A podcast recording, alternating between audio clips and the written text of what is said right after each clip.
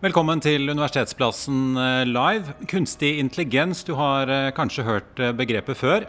Men vet du egentlig hva det er? Du har sannsynligvis brukt det, men vet du egentlig hvor langt dette kan gå? Og hvordan det kommer til å påvirke livet ditt, og også våres alle, alles liv? Kunstig intelligens kan gjøre livene våre og samfunnet vårt langt mer effektivt, men hva skjer hvis det går for langt? hvis eh, maskinene får styre og gir oss noen svar vi kanskje ikke liker. Eh, og bør vi lære av eh, medisinen og opprette et slags etikkråd før maskinene tar helt overhånd? I denne glassboksen fra Universitetsplassen i nettopp Oslo har vi denne uken besøk av både profilerte og ledende forskere, og også samfunnsprofiler som diskuterer en rekke temaer. Det skal vi også gjøre her i dag. Mitt navn er Marius Lorentzen, og jeg er programleder i E24. Med meg i denne samtalen som jeg har blitt invitert til å lede, har jeg deg, Mali Hole Skogen, bærekrafts- og teknologidirektør i IKT Norge. Velkommen. Tusen takk. Og velkommen også til deg, Ishita Barua, lege og forsker ved både her i universitetet og Universitetssykehuset i Oslo. Tusen takk. Um, du er jo også varamedlem i Bioteknologirådet, får jeg jo si da, og du har jo da etterlyst uh, et slags uh, råd uh, for kunstig intelligens. Det skal vi komme tilbake til. Velkommen også til deg, Pål Schaffi, statssekretær i Kommunal- og moderniseringsdepartementet. Tusen takk. Du er jo ikke helt enig at vi skal ha et råd, det skal vi komme tilbake til. Men uh, i denne AI-strategien som dere lanserte, så skriver dere at regjeringen vil jo stimulere til offentlig debatt om etikk uh, når det kommer til kunstig intelligens. Så ja. det er vel høyst på sin plass at du er her i dag? Ja da. Jeg, vi, vi, må ha den. Det er viktig at dere tar den. Så tusen takk for at jeg fikk komme. Og så kan vi ta den diskusjonen om hvordan vi best gjør det. Før vi kaster oss inn i etikken, Mali, så må vi nesten begynne litt med hva kunstig intelligens egentlig er. Eh, som jeg nevnte i introen, så har mange hørt begrepet. Mm. Eh, og vi snakker vel ikke helt om uh, iRobot med Will Smith eller Terminator. Men uh, hva er det egentlig som skiller eh, en datamaskin som har kunstig intelligens fra en vanlig datamaskin? Altså, Det er en sånn klassisk eh, problemstilling som eh, vi sier liksom, eh, dette er noe de lærde strides om. Det finnes eh, veldig mange forskjellige definisjoner av hva, hva kunstig intelligens er. Eh, noen sier at det er ikke-biologisk intelligens. Noen sier at det, er en gruppe med algoritmer som eh, kan lære av sine data. Og jeg tror det som er eh, viktig å trekke fram her, det er at eh, eh, med ny teknologi som både gjør, kan løse menneskelige oppgaver eh, både Vi kan gjøre jobbene våre mer effektive, eller vi kan optimere de, eller andre sånne ting. Eh, eller vi kan lære helt nye ting som mennesker ikke har kunnet gjort før. Det er ikke noe nytt. Det har skjedd i den industrielle revolusjonen, og det har skjedd i andre teknologiske omveltninger. Men eh, den eh, forbrenningsmotoren lærte oss f.eks. Fra, den nei, fra den industrielle revolusjonen at eh, vi kunne fly. Det kunne vi ikke før. Men eh, et helikopter det kan tas i lufta, men det kan ikke lære seg å kjøre optimalt. Men hvis du lar en kunstig intelligens styre helikopteret, så kan helikopteret lære seg å kjøre optimalt eller kjøre mer effektivt. Og Litt av poenget er at du fòrer den med data, altså fra f.eks. flyvninger ja. med helikopter, og så etter hvert begynner den å skjønne årsak og effekt. Hvis man gjør sånn, så skjer det, og så ser den hva effekten av det blir, og kan optimalisere prosessen. Og den, har, eh, den kan eh, løse oppgaver som vi setter den til å gjøre, og så kan den òg løse oppgaver som ikke vi vet at den trenger å løse. Det skal vi snakke om i dag. men uh, dette er jo allerede i bruk. Noen ser jo kanskje på mobiltelefonene sine at de uten at du har lagt inn, vet uh, hvor du bor og hvor lang tid du bruker til uh, jobben. Men uh, noe så banalt som brev vi skriver av og til, sjeldnere og sjeldnere riktignok, der blir det også brukt. Ja, altså Det er noen av de liksom, klassiske eksemplene på en del av den kunstige intelligensen som heter maskinlæring, som kom veldig tidlig til Norge. Det var en maskin som Posten fikk tak i som lærte seg å lese postnummer. Så før rundt omkring i Norge så var det avdelinger hvor det jobba en haug med mennesker som leste på forsida et brev. 9000 Tromsø, 4500 Mandal, eh, og så sorterte de post. Men denne maskinen kunne bare ta et blikk på brevet og lærte seg bedre og bedre å finne ut eh, hva postnummeret var, og kunne sortere posten.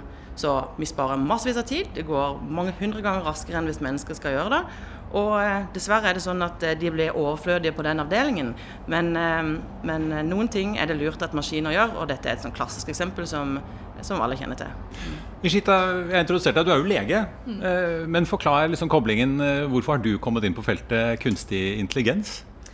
Ja, eh, Som du sier, så er jeg lege. sånn at eh, Jeg jobber både klinisk, men også som forsker nå. Og noe av det vi ser på, er hvordan vi kan bruke klinisk eh, beslutningsstøtte, altså kunstig intelligens, som en støtte til å ta bes kliniske beslutninger. Eh, I vårt eh, forskningsprosjekt på, i forskningsgruppen klinisk effektforskning så ser vi på hvordan du kan bruke AI eller kunstig intelligens til å bedre diagnostikken innenfor tarmkreftdiagnostikk f.eks. Vi er i Norge i den tvilsomme verdenstoppen hvor vi får eh, omtrent mest eh, tarmkreft her i verden, tykktarmskreft. Så det er på en måte et veldig Det er eh, et kappløp om å prøve å finne den beste metoden for å finne disse forstadiene før det blir til kreft. Um, og noe av det vi bruker tiden vår på nå, er å finne ut hvordan vi kan bruke kunstig intelligens til å finne flere av disse forstadiene før de utvikler seg til kreft. Og da er det snakk om at maskinen ser på ulike typer bilder eller prøver ja. og ser mønstre? Helt riktig. Ja. Det du bruker er et apparat som heter koloskop. Eh, tarmkikkert på godt norsk. Da går du inn i tarmen, så ser du etter disse forstadiene. Til nå så har det tradisjonelt vært sånn at legene bruker dette apparatet og bruker sine egne øyne til å finne disse forstadiene. Men så har vi sett at med kunstig intelligens så kan du finne 50% flere av disse forstadiene eller polyppene, utvekster, inni tarmen. Så det er en måte hvor du faktisk bruker det til, til en fordel, hvor, det, hvor vi kan nyttiggjøre oss av den type kunnskap. Vi ser også at det er mulig å gjøre besparelser. Så vi har gjort eh, to studier. Den ene var på nettopp det å vise hvor mange flere forstadier vi kunne finne. Det var 50% økning i antall polypper. Den andre studien som vi også gjorde i denne gruppen, var at vi så at eh, besparelser kunne være på opptil 10 millioner eh, norske kroner årlig. Ved at du gjør en bedre vurdering av hvilke polypper skal du ta, og hvilke skal du ikke ta. Så det, det, er jo veldig fine tall å lene seg på, og egentlig en veldig fin måte hvor teknologien kan hjelpe oss leger. Så det, aldri, det har egentlig aldri vært snakk om uh, at vi skal erstattes, men vi skal finne et verktøy som kan gjøre at vi gjør jobben vår bedre. Så det er alle disse dommedagsprofetiene om hvordan uh, kunstig intelligens skal ta over for leger og journalister og advokater. Jeg tror ikke helt på det. Jeg tror at det kommer til å brukes sånn som vi ser innenfor medisin. At man bruker som et klinisk uh, verktøy, at man bruker som en støtte. Eh, til slutt så er det mennesket som tar beslutningen, aller helst. Sjefi, dere i regjeringen har jo laget en egen strategi om kunstig intelligens. Det er jo ikke hver dag at uh, regjeringen uh, lager en strategi for, uh, bare fordi det kommer en ny teknologi. men når du hører at du plutselig kan spare 10 millioner kroner på diagnostisering, så vekker det kanskje en interesse hos en politiker som må tross alt prioritere ganske hardt fremover. Men hvorfor er dette så viktig sett fra på en måte, ja, regjerings- og politikernes hold? Det er veldig gode spørsmål. fordi eh, bare for at Den kom i januar, denne nasjonale strategien fra regjeringen. Eh, bare et år eller eh, halvannet år før det så var jeg blant de som sa at vi kommer ikke til å lage eh, enkeltstrategier for teknologier. Det har vært veldig mye digitalisering de siste tiårene, men, men problemstillingene har jo vært sektorvis, eller det, det, har ikke, det, har ikke, handlet om én teknologi. Det som, det som, skiller dette liksom prinsipielt, da, jeg, jeg, jeg, tror det er viktig å, å, å, å, ha med inn i diskusjonen, det er jo at mens liksom, klassiske datamaskiner er dumme i den forstand at de de, de, du mater inn data, så er det en algoritme, og så vet du hva som kommer ut ut fra det du putter inn, og, og den eh, måte, regnemaskinen du har. Her er det et element på toppen av det som handler om læring eh, og forbedring, som vi allerede har fått forklart. Og det gir oss jo noen utfordringer. fordi det gjør jo at vi ikke alltid vet hvorfor svaret blir som det blir. Eh, for en offentlig sektor som skal ta beslutninger eh, og, og ivareta rettssikkerhet, så er det jo viktig at folk skal kunne stille spørsmål og klage på beslutninger, og at de som da har ansvaret for dem, Eh, kan eh, forklare, og, at vi har klageorganer som kan, kan behandle det og vet eh, disse sammenhengene. Derfor blir det jo sagt her beslutningsstøtteverktøy. Det vil, det, vil, være en diskusjon. Skal vi ha fullautomatiserte beslutninger, eller, eller, er det sånn at dette er et verktøy til å hjelpe oss? Vi må tenke igjennom hvordan vi designer systemer som, som, som gir folk innsyn i hva som skjer, sånn at vi, vi, vi forstår det. Eh, og så ja, det er mye penger å spare på mer effektive prosesser. Jeg tror det er masse næringsmuligheter. Og, og kanskje, som jeg har hørt, noen av de mest fantastiske mulighetene ligger i, i medisin og helse. og muligheten til å individualisere eh, behandlinger. Fordi det er jo noe med medisinen. Den er avansert og fin, men den, den, har ofte brede diagnoser, og så er det noen legemidler som brukes til de. Her har vi jo muligheten til å gå inn på en måte på hver enkelt og finne ut eh, ja, hvor, hvor, godt vil det virke? Eh, vil det ha bieffekter og den type ting? Så masse muligheter, men, men, men utfordrende. Eh, og derfor så ønsker jo jeg Og det, er, det strategien vår, bare for å si det også, handler jo mye om, om noen av disse etiske og andre dilemmaene vi kommer til å møte, eh, og hvor vi trenger en, en, en god samfunnsdebatt for å på en måte klare Folk blir ikke med på noe de, de ikke har tillit til. Ja, Dere har jo viet et helt kapittel til i strategien, ja. altså kun om etikk. Ja, Men Nishita, altså, når vi da hører eh, Vi hører veldig mange, mye om fordelene her, både innenfor medisin og, og ikke minst eh, brev som kan leses automatisk.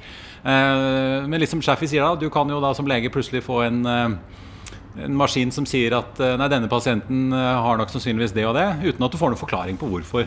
Så det leder oss jo litt inn på din problemstilling og med etikken her. Hvor, hvor er det du ser de store fallgruvene i eh, denne teknologien? Eh, de store fallgruvene tror jeg handler om eh, det, nettopp dette her med blackbox-syndromet, hvor du ikke vet eh, hvordan algoritmen er blitt til. Altså hvordan oppskriften på en kommando er blitt til. Um, og det vil du oppleve f.eks. hvis datasettet ikke er uh, basert på gode data. At du, har data som ikke er helt representative for, uh, for, det utfallet du ønsker, eller på en måte ønsker å vise. da. Uh, det du f.eks. ser er Det har kommet enkelte studier innenfor medisin. det ene er fra f.eks. 2020, mai 2020, hvor man hadde et datasett med røntgenbilder som skulle komme fram til en algoritme. Men det inneholdt mye skjevheter som, var, eh, på, altså som gikk ut på kjønnsdiskriminering, rett og slett. Så det du fikk da, var at eh, kvinner fikk dårligere eh, diagnoseresultater enn det menn fikk. Fordi at man hadde ikke tatt høyde for fysiologiske forskjeller. Man hadde ikke tatt høyde for i dette datamaterialet at kvinner og menn tar kontakt med helsevesenet i ulike, altså ulike stadier av et sykdomsforløp. Så det gjorde at den algoritmen ikke ble eh, så presis som man ønsket, nettopp fordi dataene du fòret den eh, kunstig intelligens med, ikke fungerte fungerte som det skulle. Da har du på en måte ikke gjort et uh, godt nok utvalg. Uh, du har også eksempler på der uh, f.eks. i USA, hvor man bruker algoritmer i det amerikanske helsevesenet som ser litt på Og det her går nettopp på besparelser. Da har de brukt en algoritme som eh, skal komme frem til hvilke pasienter trenger behandling først. Da fant man igjen at datagrunnlaget baserte seg på kostnadseffektivitet og hvilke pasienter eh, var dyrest i drift. Og da fikk du en diskriminering hvor eh, rett og slett den algoritmen diskriminerte til fordel for hvite amerikanere. Og det er også en uønsket eh, hendelse og en form for diskriminering som da er basert på at datagrunnlaget ikke er godt nok. Så jo mer data eh, du egentlig fòrer systemet med, jo bedre er det. Men det er også gitt at du har gjort en, et utvalg av det datamaterialet. At du har luket ut de skjevhetene.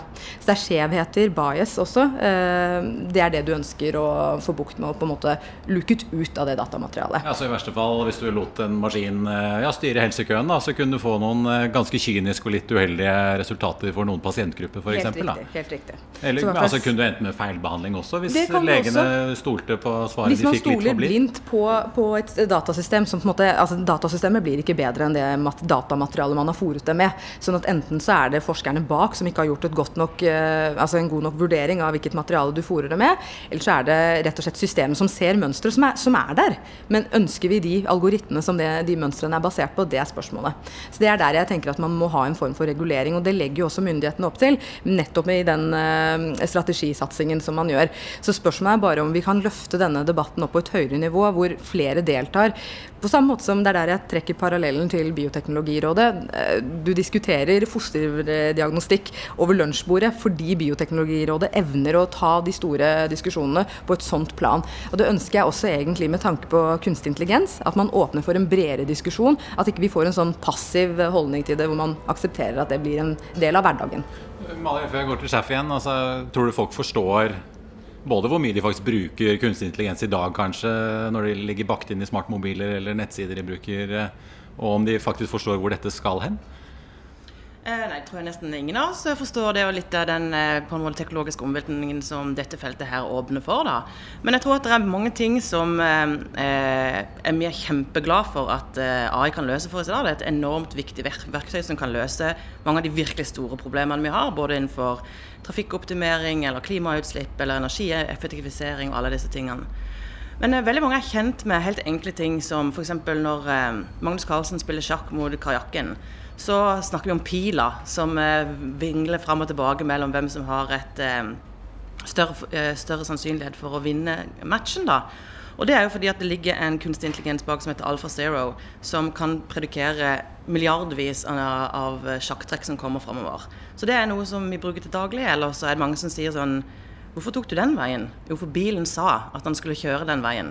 Og så kan bilen ta inn eh, værdata, trafikkdata, kollisjonsdata og alle mulige sånne ting som gjør at eh, helt enkle ting i hverdagen blir enkelt. Men jeg tror folk må være klar over det er at eh, disse eh, forbedringsmulighetene de er avhengig av data som ble nevnt her. Og disse dataene de kan både være, det kan være etiske problemstillinger knytta til de, for det kan være persondata, personvernhensyn som er viktige.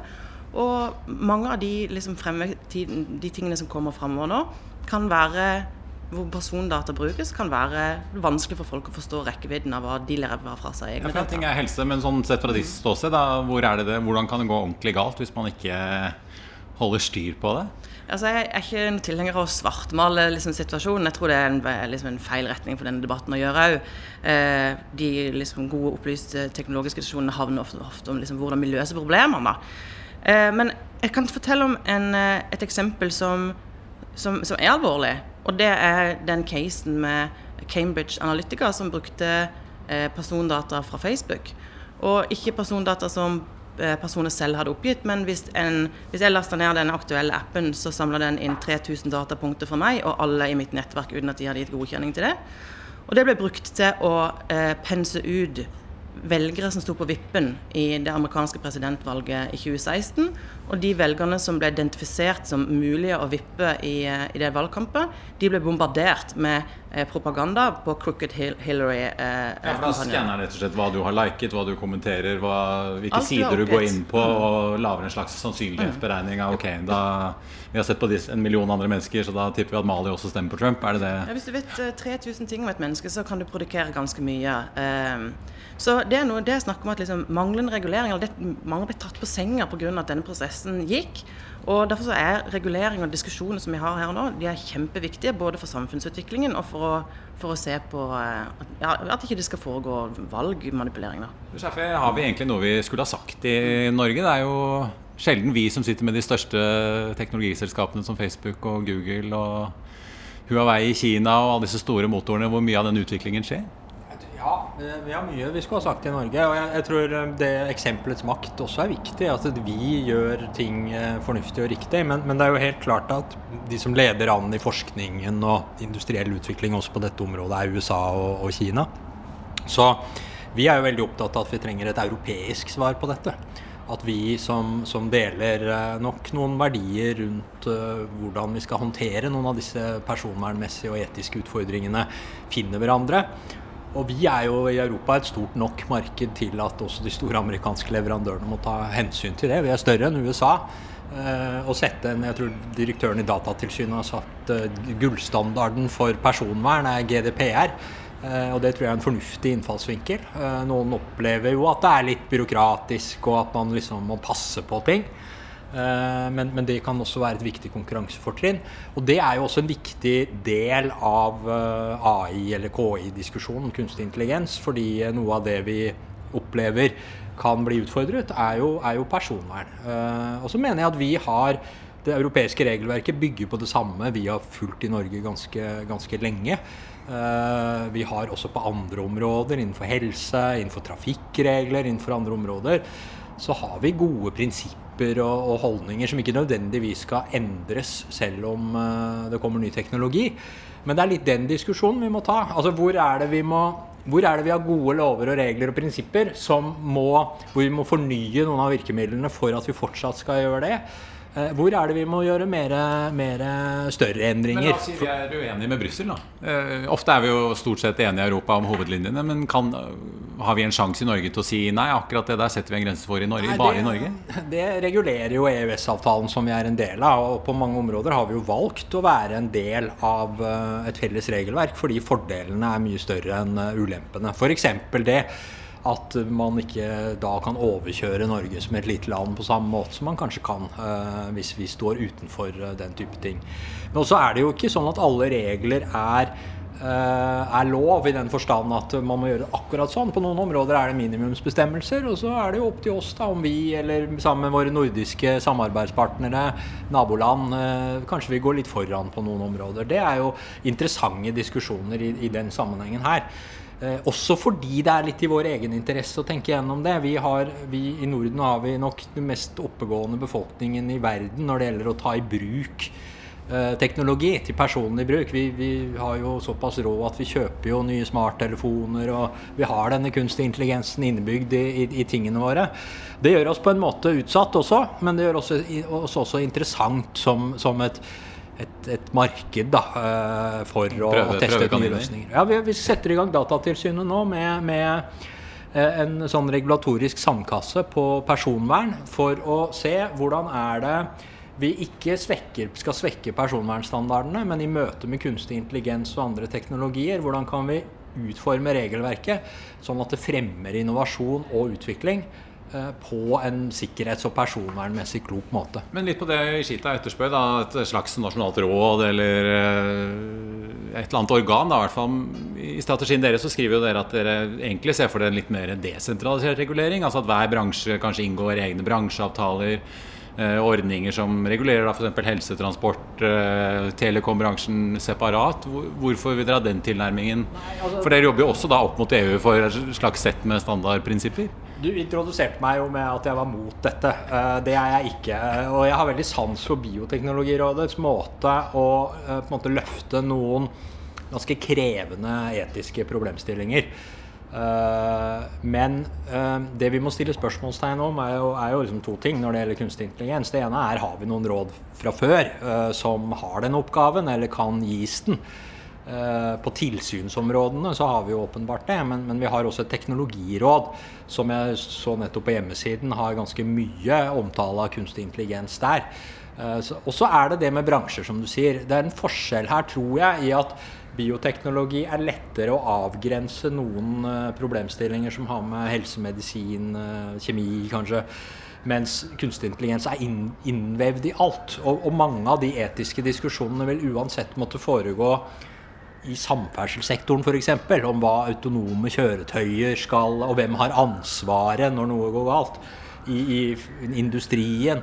I helsesektoren. Jeg, jeg, tror ikke Helsetilsynet vil gi fra seg ansvaret for de, for de faglige diskusjonene om hva som er rett og galt der. Så, da, så det er noe å finne, finne den riktige måten å sortere dette på, da, som kommer til å være viktig framover.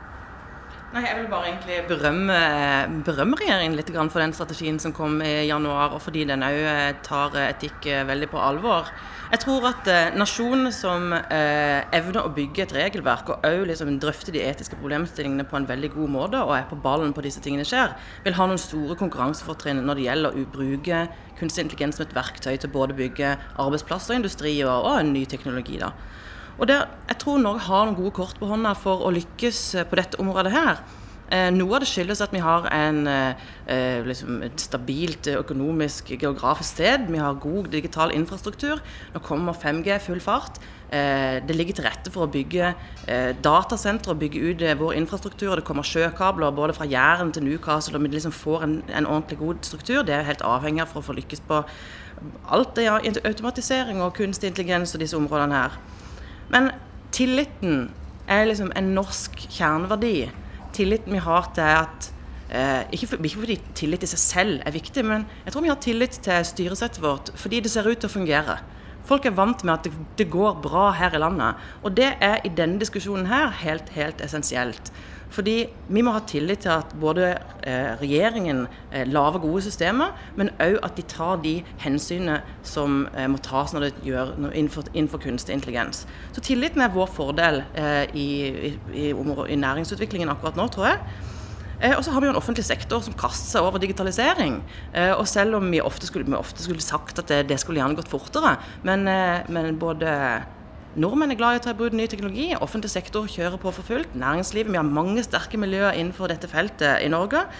Og hvis vi nå får til og med på plass eh, en måte å håndtere norske data på, så ligger veldig mye til rette for å lykkes eh, på dette området her. Og så vil jeg bare liksom nevne at dette her med å det må tas diskusjoner innenfor eh, ikke, bare, ikke, bare, i et etisk råd, men, men at det må tas innenfor transport og helse og finansteknologi og alle disse områdene.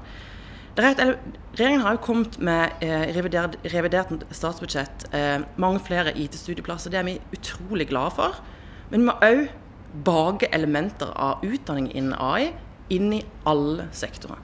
Det er en del av dannelsen som kommer. Jeg tenkte å egentlig utfordre deg alle, men jeg tenkte å begynne med deg. Altså, du snakker jo om eh, f.eks. den effektiviseringen man kan få innenfor eh, diagnose. Da. Men hvis vi i Norge da setter noen regler som gjør det vanskeligere, og så ser man f.eks. kanskje i USA og Kina så slipper de dette helt løs og får noen voldsomme gevinster. Klarer vi da å si nei, hvis uh, enten bedrifter eller selskaper eller sykehusledelse plutselig ser at mm, ja, Beijing får de diagnosert sånn og sånn og sånn fordi de tar i bruk alle disse registerdataene som vi kanskje i Norge ikke vil ta i bruk? Ja. Uh, ja, jeg vil si det. Og det er basert på erfaring fra nettopp Bioteknologirådet. Du har hatt alle mulige typer teknologiske innretninger og, og, på en måte utstyr som har vært tatt i bruk i utlandet, men så har Bioteknologirådet f.eks. diskutert om vi skal innføre dette i Norge. Når de da kommer fram til nei, det skal vi ikke, så, så stopper det der. Uh, det er litt enkelt sagt, men, men vi har, har, allerede en modell å se til. Og det er litt uh, det jeg vil tilbake til også, at jeg tror også, sånn som du nevner, Shafi, at jeg tror at hvert hvert område. Jeg tror kunstig intelligens vil gjennomsyre alle fagområder. Det blir litt som å sammenligne med internett eller strøm. At du vil få det, og du, du kan ikke tenke silotenkning innenfor hvert fagfelt.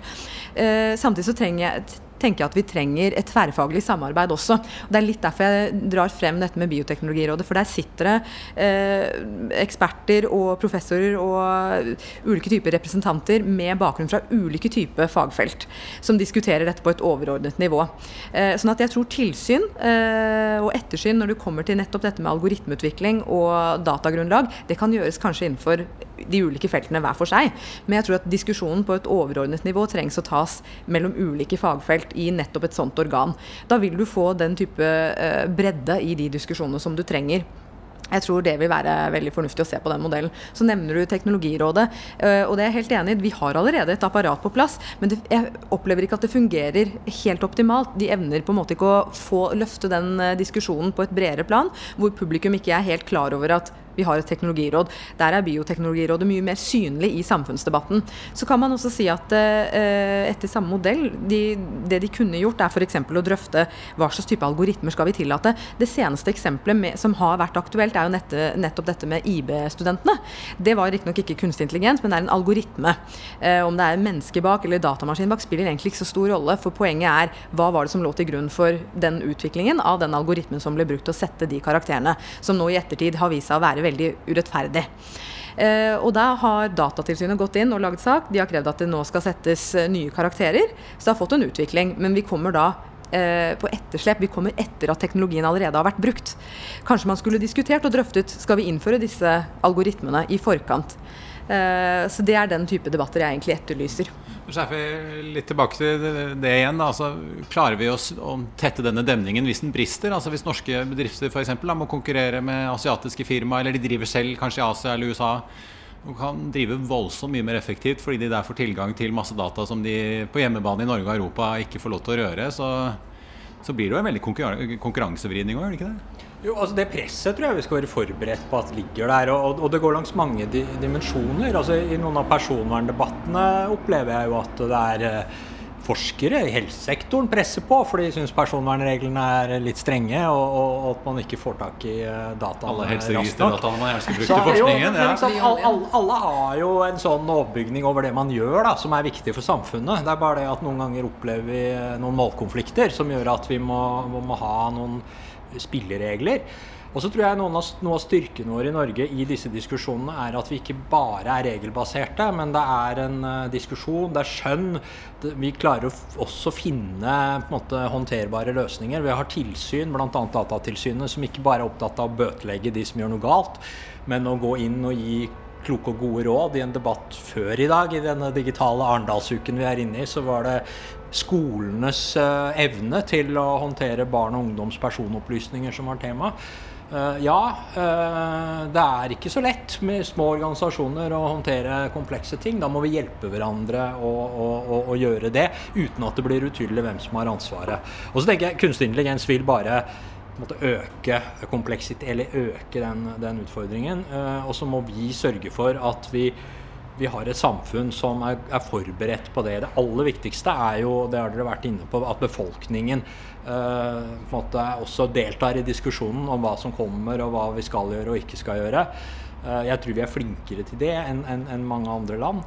Eh, men, men, så, men, ja, presset, presset, diskusjonene, målkonfliktene altså Det er jo en, et dilemma av at vi blir, vi blir, på en måte også mer fagspesialisert også. Så alle, alle, kommer fra sin sektor og vet hva som er riktig.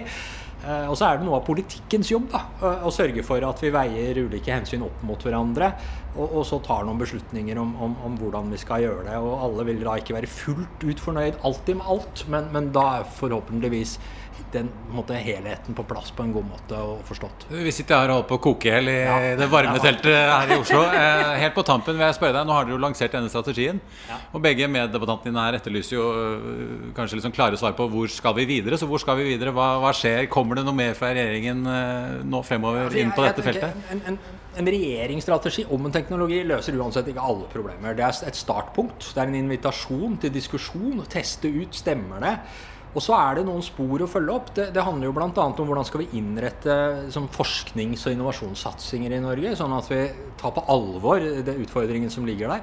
Det ligger noen internasjonale samarbeidsutfordringer der. Eh, og definitivt da denne etiske diskusjonen. Eh, hvordan gjør vi dette på en måte som gjør at folk kan ha tillit, som gjør at det er gjennomsiktig, som gjør at det er etterprøvbart, som gjør at vi ikke har historiske data som gir oss ett svar, mens vi egentlig vil noe annet. Eh, jeg tror vi er godt rustet jeg, til, eh, til, å ta den diskusjonen. Det er ikke sånn dere er i gang med et nytt regel, nasjonalt regelverk nå?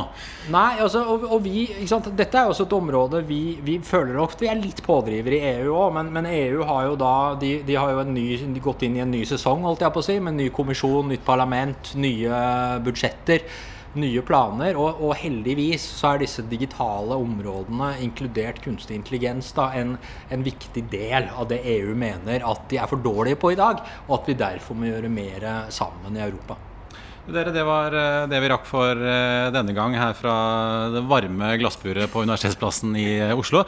Tusen takk til Mali Hole Skogen fra IKT Norge, Pål Schæffer fra Kommunal- og moderniseringsdepartementet, som det så fint heter om dagen. Ishita Barua, lege og forsker her både ved universitetet og på Universitetssykehuset i Oslo.